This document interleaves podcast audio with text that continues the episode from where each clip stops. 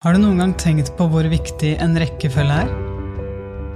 Veldig mange mennesker går rundt og har en sånn bullshit-illusjon om at rekkefølgen må være at noen andre er enig i deres idé eller deres forslag eller deres kreative tankegang før de kan iverksette noe som helst. Og den rekkefølgen gjør at de saboterer så enormt mye for seg selv. For sannheten er den da, at hvis du har en idé, hvis du har en tanke, hvis du har en kraft inni deg som du vet at du har lyst til å utforske, en nysgjerrighet inni deg som du vet inni deg at du har lyst til å finne ut mer rundt, så er det her noe som er for deg.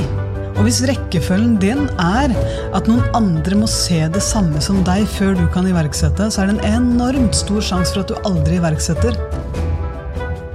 For sånne ideer, en sånn skaperkraft, det må bli skapt inni én person først. Du må se det først. Du må se det lenge før andre rundt deg ser det. Og det har du kanskje allerede gjort. Du må gjøre det lenger før alle rundt deg kanskje er enig i at det er en god idé. Du må iverksette det lenge før andre rundt deg mener at ja, det her tror vi på. For sannheten er det at andre har mer enn nok med sitt. Men du, du vet inni deg hva som er ekte for deg.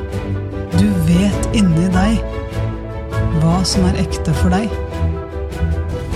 Og du kan gi slipp på den rekkefølgen din, som er en bullshit-illusjon, som er en bullshit-dominoeffekt. Du trenger ikke andre menneskers godkjenning før du setter i gang.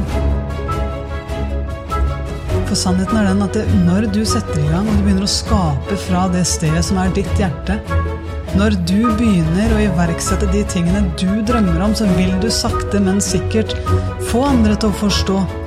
Men et bilde i hodet ditt, som bare er et bilde i hodet ditt og en idé i ditt hode, det er det vanskelig for andre å forstå før de har sett hvordan det ser ut. Med øynene. Med følelsene før de har kjent hvordan det ser ut. Så ikke la en bullshit dominoeffekt finte deg ut.